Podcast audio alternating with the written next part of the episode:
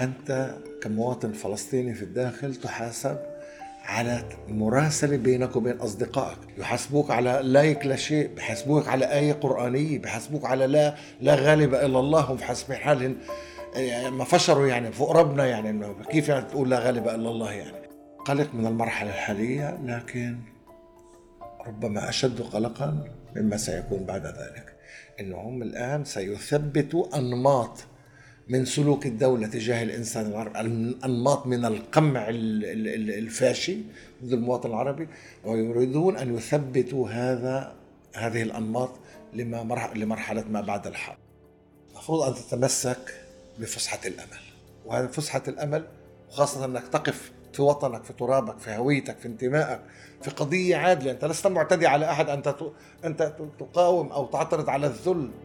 وتعترض على المهانة وتعترض على التهجير وعلى القتل وعلى الحرب. ليش خايف؟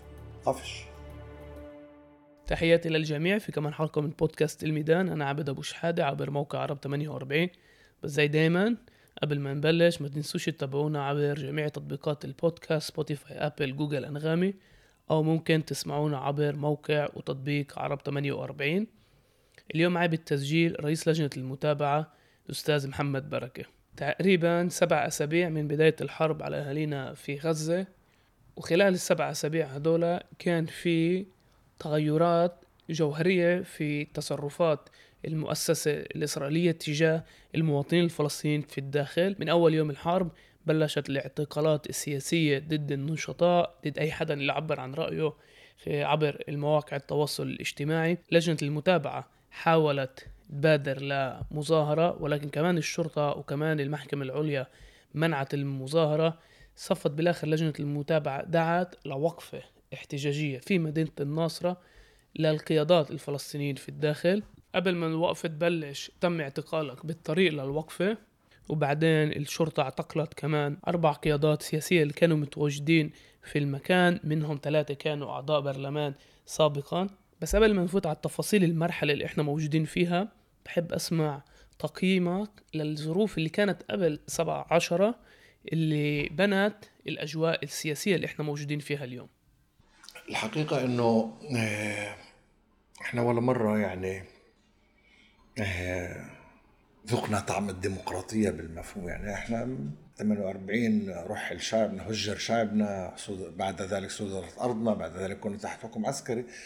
أنا بقدرش يعني أحكي عن تلك الفترة بشعور المعايش إنما بنظرة ابن الشعب وابن البلد أو بنظرة المتابع للحدث. في اعتقادي هذيك الأيام كانت أيام قاسية وصعبة عندما يكون علامة سؤال على مجرد وجودك في بيتك هذا بدون أدنى شك أصعب ما يمكن أن يواجهه بني آدم. لكن يعني من ذلك الوقت وحتى نهاية الحكم العسكري في الخمسة وستين آه، يعني إسرائيل حاولت أن تسوق نفسها في العالم كدولة ديمقراطية وتقول هي في عرب وفي مواطنين عندنا وكذا. في الستة وسبعين في يوم الأرض إحنا اعتقدنا إنه حسمنا معركة البقاء حقيقة بمفهوم إنه كل أحلام الصهيونية بترحيلنا. بقت بالفشل وفي 30 آذار في يوم الأرض نحن أثبتنا أننا شعب متماسك يستطيع أن يتصرف كشعب أيضا. آه، لكن فيما بعد في هنالك الكثير يعني ممكن فيش مجال نوقف عند كل واحدة منهم لكن في كثير من الأحداث وفي الكثير من المحطات اللي خلقت تفكك معين. هذا تفكك آه، وصلته إسرائيل إلى ذروة غير مسبوقة عندما أقرت قانون القومية في تموز 2018 عندما وضعت عمليا قانون أساس يعرف الدولة ونحن لسنا جزء من هذا التعريف لا في المواطنة ولا حتى كمقيمين. بينما السطر الأول والثاني الأرض إسرائيل هي الوطن التاريخي لليهود يعني كل فلسطين. السطر اللي بعده الحق تقرير المصير هو حصري لليهود. يعني نحن خرجنا من المعادلة كليا. يعني يعني باعتقادك قانون القومية هذا التاريخ اللي مهم نعرج عليه ومهم نحطه على ال... هذا هذا مش مش بعرف الصهيونية هذا يشكل محطة اللي انتقلت إلى الصهيونية إنها قوننت ما كانت تقوم به قبل ذلك. اليوم في ظل الحرب الحالية الإجرامية ضد شعبنا في في شعبنا في غزة وأيضا في الضفة على فكرة في في حرب وفي استهداف وفي قتل يومي في الضفة بس ضايع تحت الدخان الهائل اللي طالع من غزة. اليوم أنا أستطيع أن أقول أنه بدت ملامح اكتمال المشهد الفاشي واضحة في إسرائيل. المشهد الفاشي وفق التعريف الكلاسيكي بمعنى أول ملاحقة الأقلية. الاقليه الوطنية يعني انه في أقلية في مجموعة مستهدفة يعني في شعب مستهدف. على فكرة بين البحر والنهر إحنا مش أقلية نحن الأغلبية. لكن في استهداف استهداف على أساس عنصري. السيطرة على الاقتصاد كاملة نحن خارج المعادلة الاقتصادية. السيطرة على وسائل الإعلام وسائل الإعلام لا تتنفس خارج السرب وخارج المقول الصهيوني. السيطرة على جهاز القضاء وغيرها طبعا. كل هذه امور هي تكمل مع بعض التعريف الكلاسيكي المعروف في التاريخ البشري الحديث للفاشية. هذه هي الفاشية. أبو سعيد أنت ذكرت عدة آه، نقاط مهمة وعدة آه، تواريخ مهمة منها يوم الأرض. بس كل هاي المراحل كان في إمكاننا نعبر عن رأينا كان بإمكان نطلع نتظاهر وبالفعل يعني باليوم الأرض بالانتفاضة الثانية وحتى في أحداث آه، أيار. نطلع يعني نطلع ونتظاهر طبعا لكن يقتل أبنائنا انقتل ست شهداء في هبة القدس والأقصى 13 شهيد في مجزرة كفر قاسم 49 شهيد. يعني بس اللي بتحكيه صحيح ما, ما كانش الخنق على يعني, يعني صار إشي صار إشي بالست أسابيع الأخيرة تحديدا ضد الفلسطينيين في الداخل. اللي حاولت تعمله لجنة المتابعة قبل أسبوع هو إثبات واضح إنه حتى وقفة مش مظاهرة وقفة في نص بلد عربية لا قيادات عربية قمعت حتى قبل ما توصل وأنت تم اعتقالك للتحقيق قبل ما توصل على صحيح. المظاهرة. كيف بتقيم هاي المرحلة وكيف بتتميز؟ يعني وأنا بسألها إنه هل بالمستقبل جاء علينا فترة أصعب من إيش ما إحنا كنا متعودين له؟ هذه الفترة حقيقة يعني البارز فيها إنه حتى المساحة اللي كانت متاحة كيف أنت حكيت يعني كان في مساحة ضيقة آه، اللي تتحرك فيها. الآن أنت كمواطن فلسطيني في الداخل تحاسب على مراسلة بينك وبين أصدقائك. الفنانه ميسة عبد الهادي تحاكم بالأساس على رسالة بعثتها في الواتساب لصديقاتها أو لصديقة إلها يعني لهي الدرجة. يحاسبوك على لايك لشيء بحاسبوك على آية قرآنية بحاسبوك على لا لا غالب إلا الله هم حاسبين حالهم يعني ما فشروا يعني فوق ربنا يعني إنه كيف يعني تقول لا غالب إلا الله يعني. عم بحاسبوا على طالب على على على كلمة بتردون يعني الشرطة تقوم بدورها، الجامعات تقوم بدورها في, في القمع، المحاكم تقوم بدورها، المحاكم اليوم كأنك بتحكي مع, مع يعني مع ضابط مع ضابط لما تقعد في المحكمة. فبدون ادنى شك الوضع الناشئ في الأسابيع الستة الاخيره هو وضع في غاية الخطورة. وأنا طبعا أتحدث مع الكثير من إخواني من قيادة لجنة المتابعة وأيضا من المختصين الحقوقيين قلق من المرحلة الحالية لكن ربما أشد قلقا مما سيكون بعد ذلك. إنهم الآن سيثبتوا أنماط من سلوك الدولة تجاه الإنسان العربي أنماط من القمع الفاشي ضد المواطن العربي ويريدون أن يثبتوا هذا هذه الأنماط لما لمرحلة ما بعد الحرب. لذلك أول شيء نحافظ على وحدتنا وحدة لجنة المتابعة وهذه الوحدة أحيانا تعاني من من ضعف هنا وهناك. إلى جانب آه، الالتزام بخط سياسي وطني ملتزم بالقضية الوطنية، إلى جانب المسؤولية المطلوبة في هذه المرحلة، هنالك من يتربص فيك. بده يستنى أي انزلاق بين مزدوجين مشان يقول لك إنه هبت الكرامة، هذه العناصر اللي, ما اللي عم بنشوفها هي عناصر باعتقادي سيكون لها ما بعدها ما بعد الحرب. بنا فإحنا بنثبتها قضية الوحده وقضية المسؤولية وقضيه قضية كذا وكذا وقضيه اللي صار في في هيئة الطوارئ العربية اللي أنا فعلا يعني أعتز بذلك إنه مزبوط في أحيانا تنسيق مش كافي لكن إنه كل مؤسسات المجتمع المدني في المجتمع العربي منضوية وملتزمة الاصحاب المهنيين في مختلف المجالات في المجال الحقوقي في المجال النفسي في مجال التعليم في مجال الخدمات في مجال الإغاثة إلى آخره كله موجود تحت غطاء واحد اللي هو هيئة الإغاثة العربية المنبثقة عن لجنه المتابعة. إلى جانب هذا كمان إحنا مفروض نفتح قوة كبيرة على العالم. فيوم الجمعة قبل عدة أيام كان في اجتماع في مدينة يافا اللي شارك فيه مندوبين عن أكثر من 30 سفارة في إسرائيل اللي اجوا يسمعونا. بدي أقول لك بصراحة بعض السفراء أو بعض الدبلوماسيين مش كلهم كانوا سفراء في مندوبين عن كل بعض الدبلوماسيين ما عرفوش كيف يتعاملوا مع هذا المخلوق اللي اسمه فلسطيني عربي ومواطن في إسرائيل. ما عندناش يعني فكرة عن الموضوع. لذلك هذا موضوع إحنا إحنا أكبر قوة ديمقراطية بالمعنى الحقيقي وإحنا ممكن أن نكون في ظل هذا ال ال الاندفاع نحو فاشية غير منفلته إحنا بنكون ممكن نكون الإثبات على فضيحة وزيف ما يسمى بالديمقراطية الإسرائيلية. وهذا العالم لازم يعرفه وهذا شكل من أشكال الحماية أشكال من أشكال الحماية لمجتمعنا. إنه إحنا مش عم نشتغل في العتمة مزبوط اليوم كل الاهتمام مركز على غزة الضفة أقل عنا أقل وأقل لكن بالضرورة العنصر الدولي هو مهم في هذه المرحلة.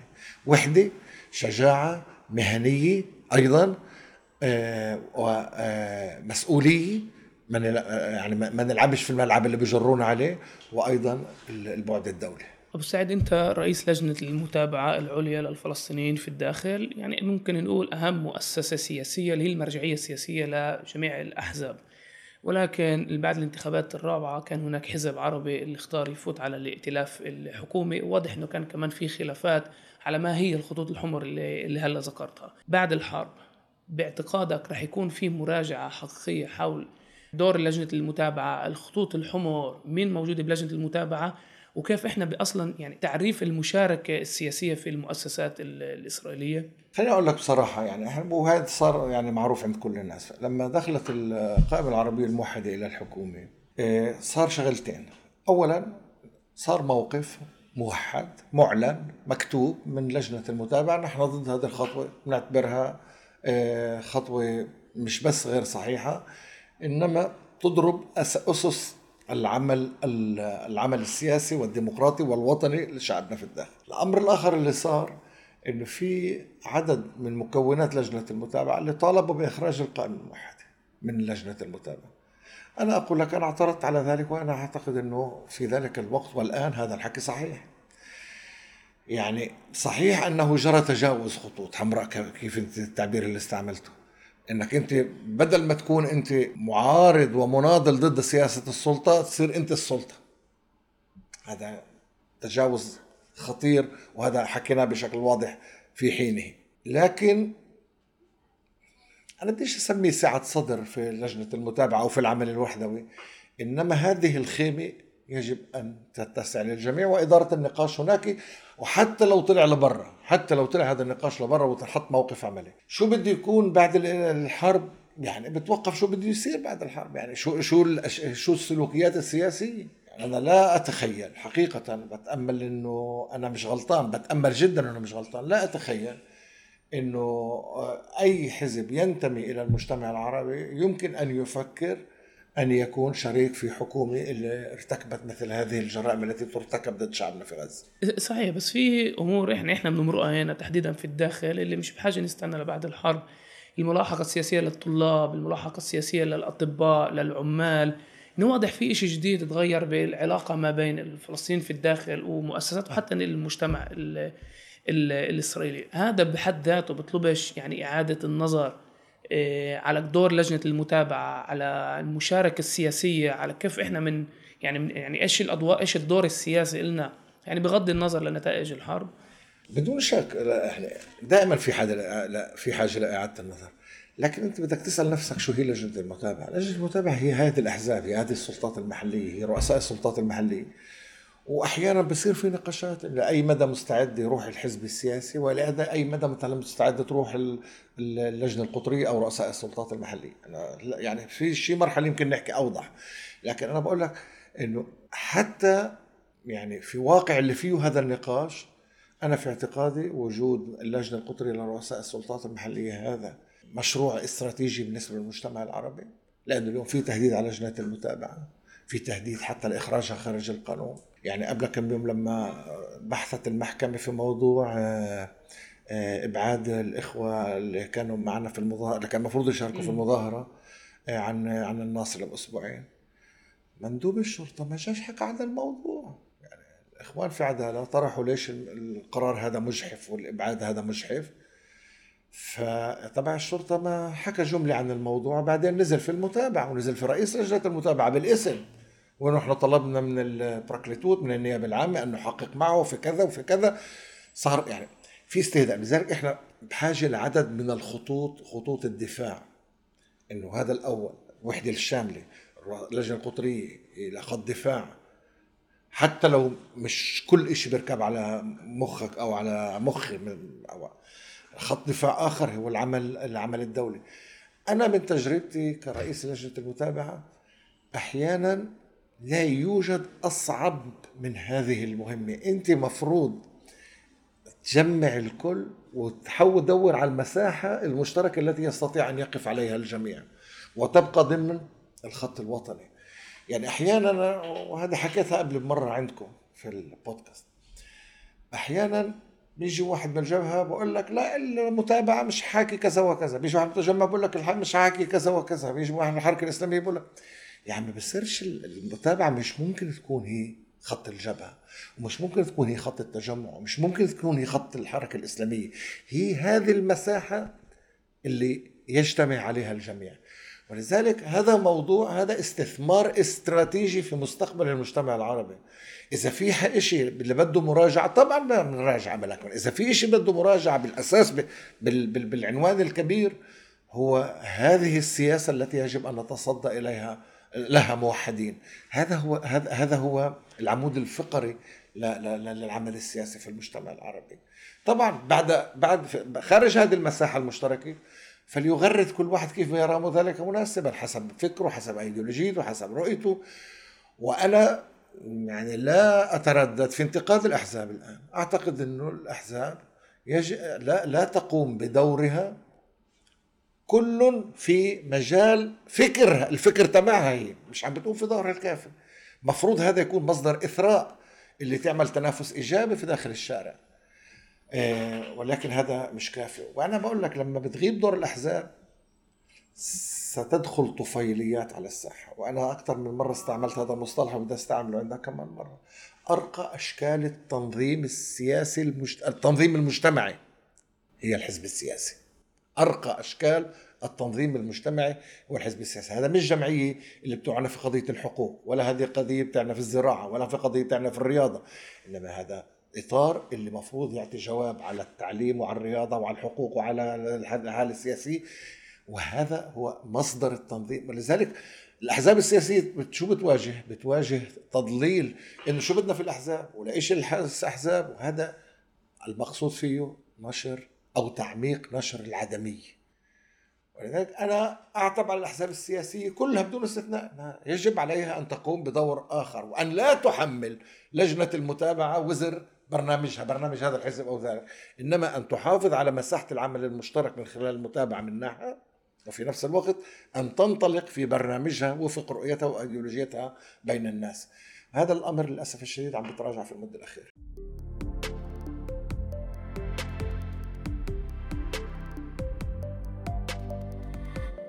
يعني بدون أدنى شك واعتقادي في كمان أسباب سوسيولوجية بتخص الأحزاب بكل مكان مش بس في الداخل وتراجع شغل الأحزاب. ولكن بالظروف اللي إحنا بنمرقها في إحساس عند الفلسطينيين في الداخل على مستوى الأفراد إنه فيش عندنا ظهر وبتطلعوا على لجنة المتابعة عشان زي ما أنت ذكرت إنه هي الجسم اللي بتجمع رؤساء المجالس وبتجمع الأحزاب وبتجمع كمان مؤسسات اللي هي الجسم اللي لابد يحمينا. وفي شغلات أكبر من الأحزاب السياسية وأكبر كمان من الدور البرلماني للأحزاب السياسية. ممكن هاي حتى إن تكون فرصة لجنة المتابعة تتحول من المرجعية السياسية للأحزاب السياسية ورؤساء المجالس لشيء حتى أعمق يخص كمان ويشمل في داخله كمان المؤسسات الأهلية الناشطة بين المجتمع الفلسطيني في الداخل. إحنا إحنا يعني في موضوع المؤسسات هذا حكينا قبل مرة بس بقى, بقى يعني خذ موضوع تجربة آه، هيئة الطوارئ العربية. إحنا بدينا فيها المضبوط في الكورونا وبعدين كملت وكانت ناجحة جدا. كملنا في هبة الكرامة كانت أقل نجاح. اليوم هي أفضل في في في, في الحرب هذه الأخيرة عملها. فهذا شكل من أشكال المأسسه إحنا عملنا مؤتمر القدرات البشرية جمعنا قلنا في ناس عندنا طاقات أكاديمية هائلة في مجتمعنا. اللي هي مش داخلة في هذا الحزب أو ذاك. بس أنا بدي أستفيد منها كل واحد في مجاله. ولذلك إحنا عندنا لجنة متابعة قضايا الصحة عندنا لجنة متابعة قضايا التعليم عندنا لجنة متابعة القضايا الاجتماعية عندنا المنتدى الحقوقي. فهذه كلها هيئات ومؤسسات اللي انبثقت عن لجنة المتابعة. يعني خذ في الموضوع الحقوقي. في كثير مؤسسات الآن. في عدالة في مساواة في الميزان في في بس إحنا بقى جينا قلنا تعال نعمل شيء شيء غرفة مشتركة نقعد فيها كلياتنا مع بعض وهي تقوم بدور جيد. هذه المأسسة هي عنصر مركزي في مأسسة العمل السياسي في المجتمع لكن أيضا العمل المهني والتخصصي.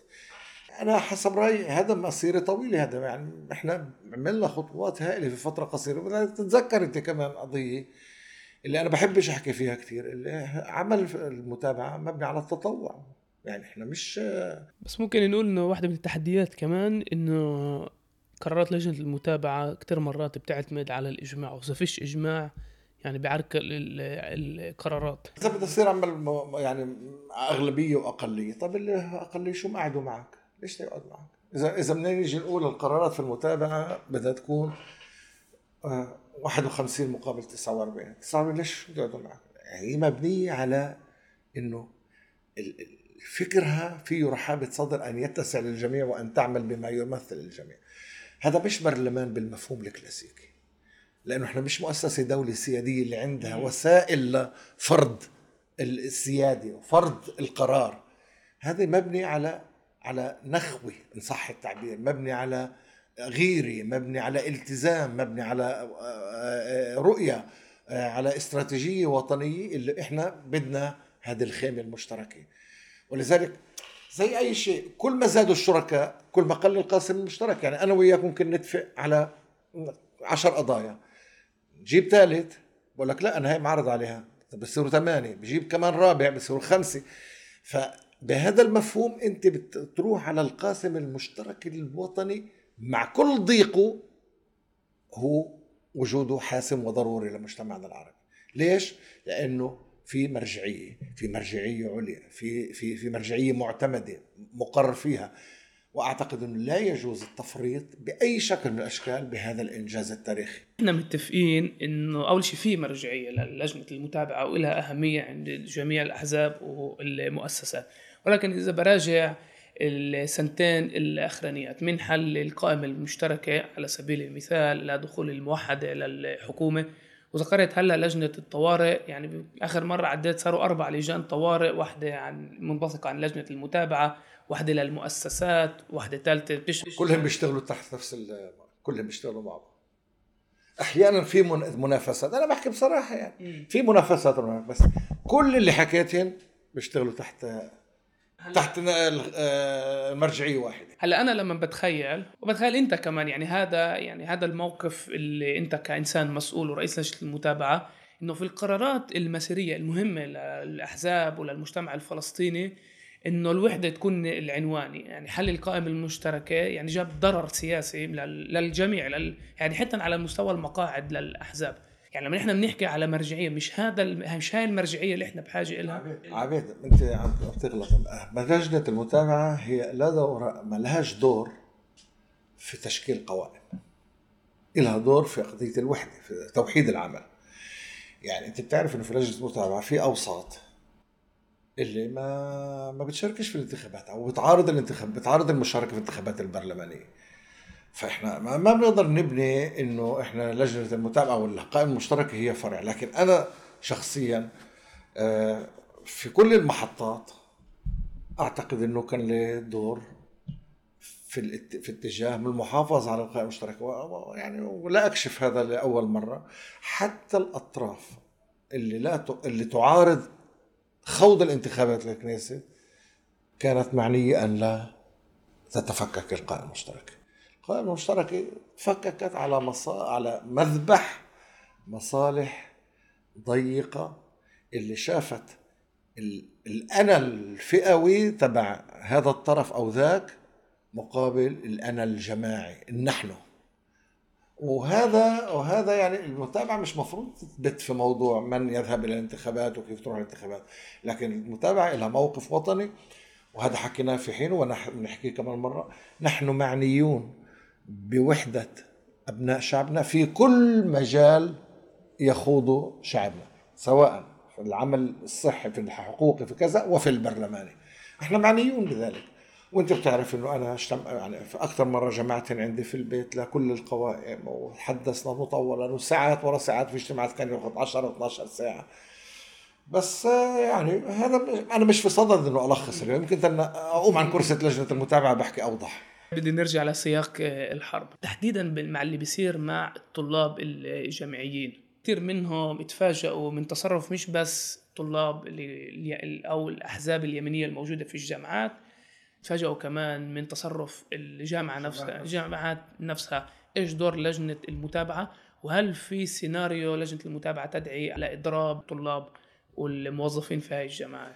خليني أقول لك إنه الجامعات كمو أو المؤسسة الأكاديمية كهي مكان اللي فيه حرية الفكر وحرية الإبداع وحرية البحث اللي هي عنوان عنوان عنوان لل للتعددية.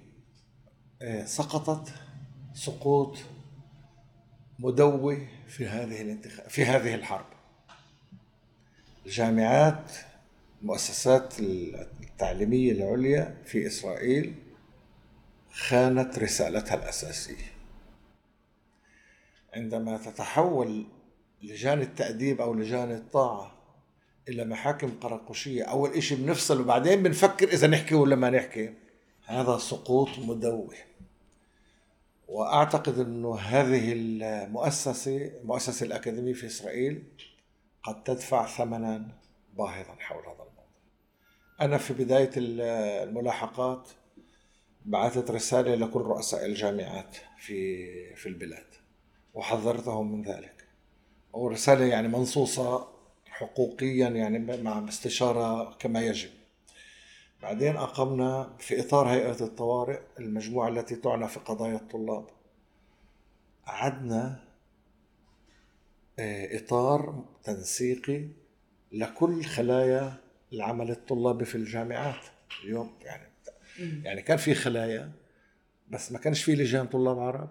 ولا في اتحاد قطري للطلاب الجامعيين العرب في السنوات الأخيرة. وأنا هذا الشيء بوجعني شخصي لأنه أنا كنت من مؤسسي اتحاد الطلاب الجامعيين العرب وكنت رئيسه على مدار سنوات.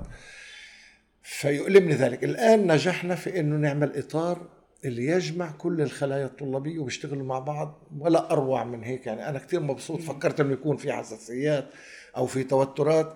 لا بالعكس يعملون بشكل متجانس ومتناغم. طبعا يعمل إلى جانبهم المجموعة الحقوقية مجموعة الحقوقيين في هيئة الطوارئ اللي بتركزها عداله تحديدا. فكمان هن بيعطوا الدعم الحقوقي لأي طالب متضرر أو أي طالب بيروح أمام آه، هيئات التأديب أو الطاعة. أنا أعتقد إنه أحد النجاحات إن صح التعبير هي العمل في إطار مكافحة ومواجهة الملاحقات الطلابية. لكن في حاجة إلى شيء أكثر من ذلك. أنا برضو بعد الرسالة لرؤساء الجامعات بعثنا رسالة إلى أكاديميين من عندنا من الداخل اللي منتشرين في كل أنحاء العالم.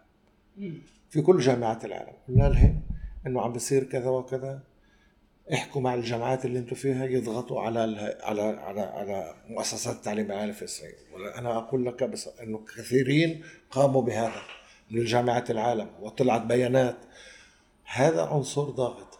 في العنصر اللي لحد هسه مش ناضج بالنسبة لإلي وبالنسبة لنا في المتابعة كيف نتعامل معه. يعني في مخللات في كليات اللي تعتمد بالأساس على عدد قديش بدها عدد طلاب أكثر هذا بفوت عليها مصاري أكثر ولذلك موضوع الإضراب بديش يقلب على على طلابنا. بديش إنه نيجي نعلن إضراب وفي إحنا بدنا نعاقبهم نعاقب بالجامعات بكذا وكذا. السؤال إذا هذا الإشي بيمشي وهذا بده حذر شديد. أنا ما بدي يعني إنه إحنا نعلن عن خطوة كبيرة. نعتقد أنها إلى الأمام وتعيد آه، تعيدنا 20 خطوة لورا. اليوم الشيء المليح إنه في عندنا بدائل من ناحية التعليم في الجامعات الفلسطينية في جامعات خارج البلاد في الجامعات الأردنية وكلها جامعات ليست أقل مستوى إن لم يكن أكثر من المستويات الموجودة في إسرائيل. حقيقة.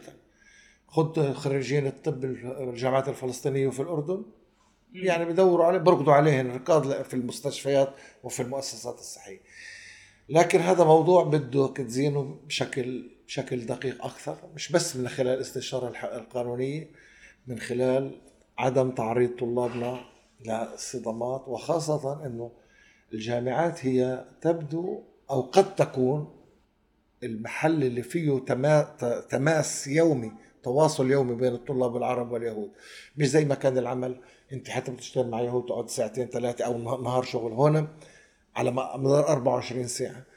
فهذا موضوع بده آه، دراسة وحذر ونحمي أولادنا مش زجن في أشياء اللي ممكن ندفع ثمن عليها. أما بدون ادنى شك أن لا لا نسمح بأنه لا نسمح لأحد بأنه يوطي رأسنا. قبل عدة أسابيع كان في محاولة من لجنة المتابعة لإقامة مؤتمر في حيفا التغى الشرطة لغت ما سمحت لإقامة المؤتمر. ومفروض كان يكون في متحدثين يهود منهم أفرام بورغ اللي كان رئيس الكنيسة سابقا كرئيس لجنة المتابعة كيف بتشوف العلاقة مع النشطاء اليهود أو المجتمع الإسرائيلي ما بعد الحرب؟ أنا يعني في أيام حياتي الجامعية لما كنت في الجامعة كنت حكينا قبل شوي كنت مؤسسي اتحاد القطر لكن كنت من مؤسسي كثير تنظيمات يهودية عربية في الجامعات تنظيم كامبوس. إحنا كنا من مؤسسي لجنة ضد الحرب في لبنان عام 82 اللي في الآخر طلعت عشرات ومئات الألوف للشوارع. فموضوع العمل اليهود العربي هو بالنسبة إلي مهم. جدا جدا. بس مش بطريقة البعض اللي بيعتبروا إنه كيف أنا بدي آخذ المجتمع العربي من أجل أن يعجب الطرف الآخر. إنما أن أنتزع ناس من المجتمع اليهودي من العنصرية الصهيونية أن يأتوا إلى حق الحق الفلسطيني اللي اللي أنا بعتقد إنه هو صحيح. يعني أنا مش يعني في في فرق بين عمل اليهود العربي بهدف تدجين وبين بهدف تحشيد. هذا يعني زي أنا بآمن في المو... في, في وهذه تجربتي التاريخية يعني في موضوع إنك تحشد قطاعات جديدة إلى جانب قضيتك العادلة. في 26 الشهر 26 10 كان المفروض زي ما تفضلت نعمل اجتماع يهودي عربي بحيفا في إحدى القاعات. وطبعا صاحب القاعة تلقى تهديد من المخابرات ومن الشرطة بنسكر لك القاعة والى آخره.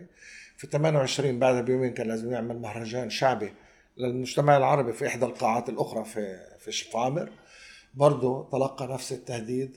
وبعد ذلك الشرطة طلعت بيان إنه مش إنه قالت إنه هو يعني ما خصناش. قالوا لا إنه إحنا سنمنع أي شيء فيه هستاه ومش هستاه وتحريض والى آخره.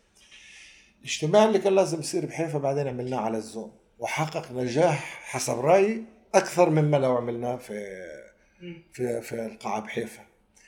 يعني تسجلوا للمشاركة فيه 650 شخص تقريبا 400 وشوي منهم آه، يهود.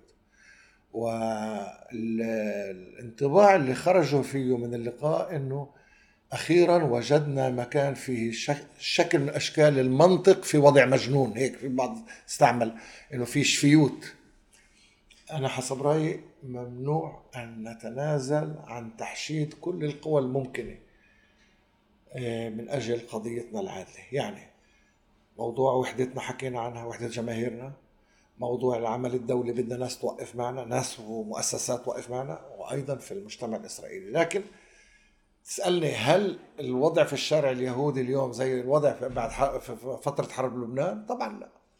اليوم في انحصار في صعود في تنامي للخطاب الفاشل العنصري ومش بس إنه في عدديا إنما في عمق الفاشيه إنه في مجاهرة في التشفي مجاهرة في القتل مجاهرة في الدم. يعني اليوم تستعمل كلمات مثل هشميد يعني إبادي إبادي. بدون ما حدا يرمش. طب أنتوا ما أنتوا أنتوا كنتوا ضحية الإبادة في النازية. شو كيف كيف ممكن واحد منكم يستعمل هذا اللي شطيح إنك تسطح قطاع غزة؟ إيش هذا الكلام؟ ففي آه، آه، في زيادة في الفاشية بالطول بال بال بال بالعرض وبالعمق. يعني العدد أكبر والفاشية أعمق والعنصرية أعمق. سؤال اخير قبل ما ننهي. بالأسابيع الأخيرة كان في عقوبات أو فرض عقوبات على النائبتين كمان عايدة توما سليمان من الجبهة وكمان على إيمان خطيب من الموحدة. باعتقادك بالأجواء السياسية اللي إحنا نازلين نمرقها بتصرف القضاء الإسرائيليين هل هناك في خطر من أصلا سمح للأحزاب العربية أن تشارك بالانتخابات بالمستقبل؟ في خطر على تحديد أو تقييد العمل البرلماني بالنسبة للمجتمع العربي. أن يكون مسموحا فقط للدواجن اللي محسوبة على المؤسسة. واليوم لما بيحكوا على تغيير لجنة الانتخابات المركزية أن لا يترأسها قاضي أو تغيير آخر إنه قراراتها ملزمة لا يجوز الاعتراض عليها للمحكمة العليا. بصير زي ما صار اليوم مع النائبتين مع عايدة سليمان عايدة توما سليمان ومع إيمان خطيب. إنه بصير أعضاء كنيسة عم بيحاكموا أعضاء كنيسة. إذا لجنة الانتخابات المركزية بتكون قرارها نهائي برضه أعضاء كنيسة بيقرروا مين ينافسهن ومين ما ينافسهن. فواضح إنه هذا تطور خطير. أنا بقول لك كل المسار يعني إحنا مفروض نحسبه منيح لقدام. وأنا حكيت قبل شوي إنه قلق مما سيحدث بعد الحرب مش بس في هذه المرحلة. لكن أنا أستطيع أن أقول لشعب لشعبنا إنه نحن نحمل قضية عادلة ويجب أن لا نخشى في الحق لومه لائم يجب أن نكون موحدين متمسكين بانتمائنا برؤيتنا بهويتنا ولكن أن نكون بمستوى من المسؤولية أن نفوت أي فرصة للاستفراد فينا أو للنيل منا. أنا حقيقه آه، آه، موقفي واضح إحنا بنشتغل في العمل الوطني والعمل السياسي. اللي بيشتغل ومرعوب ما يجيش. كنت بتقول هاي الجملة قبل سبعة عشرة؟ كل وقت. كل وقت. اللي بيشتغل ومرعوب ما يجيش. واللي بيشتغل ومتشائم ما يجيش. لأنه إذا أنت بتشتغل مع الناس وبتقول لهم مش راح يطلع إشي لا روح ضب حالك في البيت. ها مفروض يعني مفروض أن تتمسك بفسحة الأمل. وهذه فسحة الأمل وخاصة إنك تقف على في وطنك في ترابك في هويتك في انتمائك في قضية عادلة. أنت لست معتدي على أحد. أنت أنت تقاوم أو تعترض على الذل وتعترض على المهانة وتعترض على التهجير وعلى القتل وعلى الحرب. ليش خايف؟ قفش رئيس لجنة المتابعة الأستاذ محمد بركة أبو السعيد. أول شيء جملة ممتازة الواحد ينهي فيها البودكاست وشكرا على وقتك. وهي كانت كمان حلقة من بودكاست الميدان. وزي دايما ما تنسوش تتابعونا عبر جميع تطبيقات البودكاست. بتلاقونا هناك. وإذا في عندكم أي ملاحظة ممكن تبعتوا على البريد الإلكتروني المرفق في تعريف الحلقة.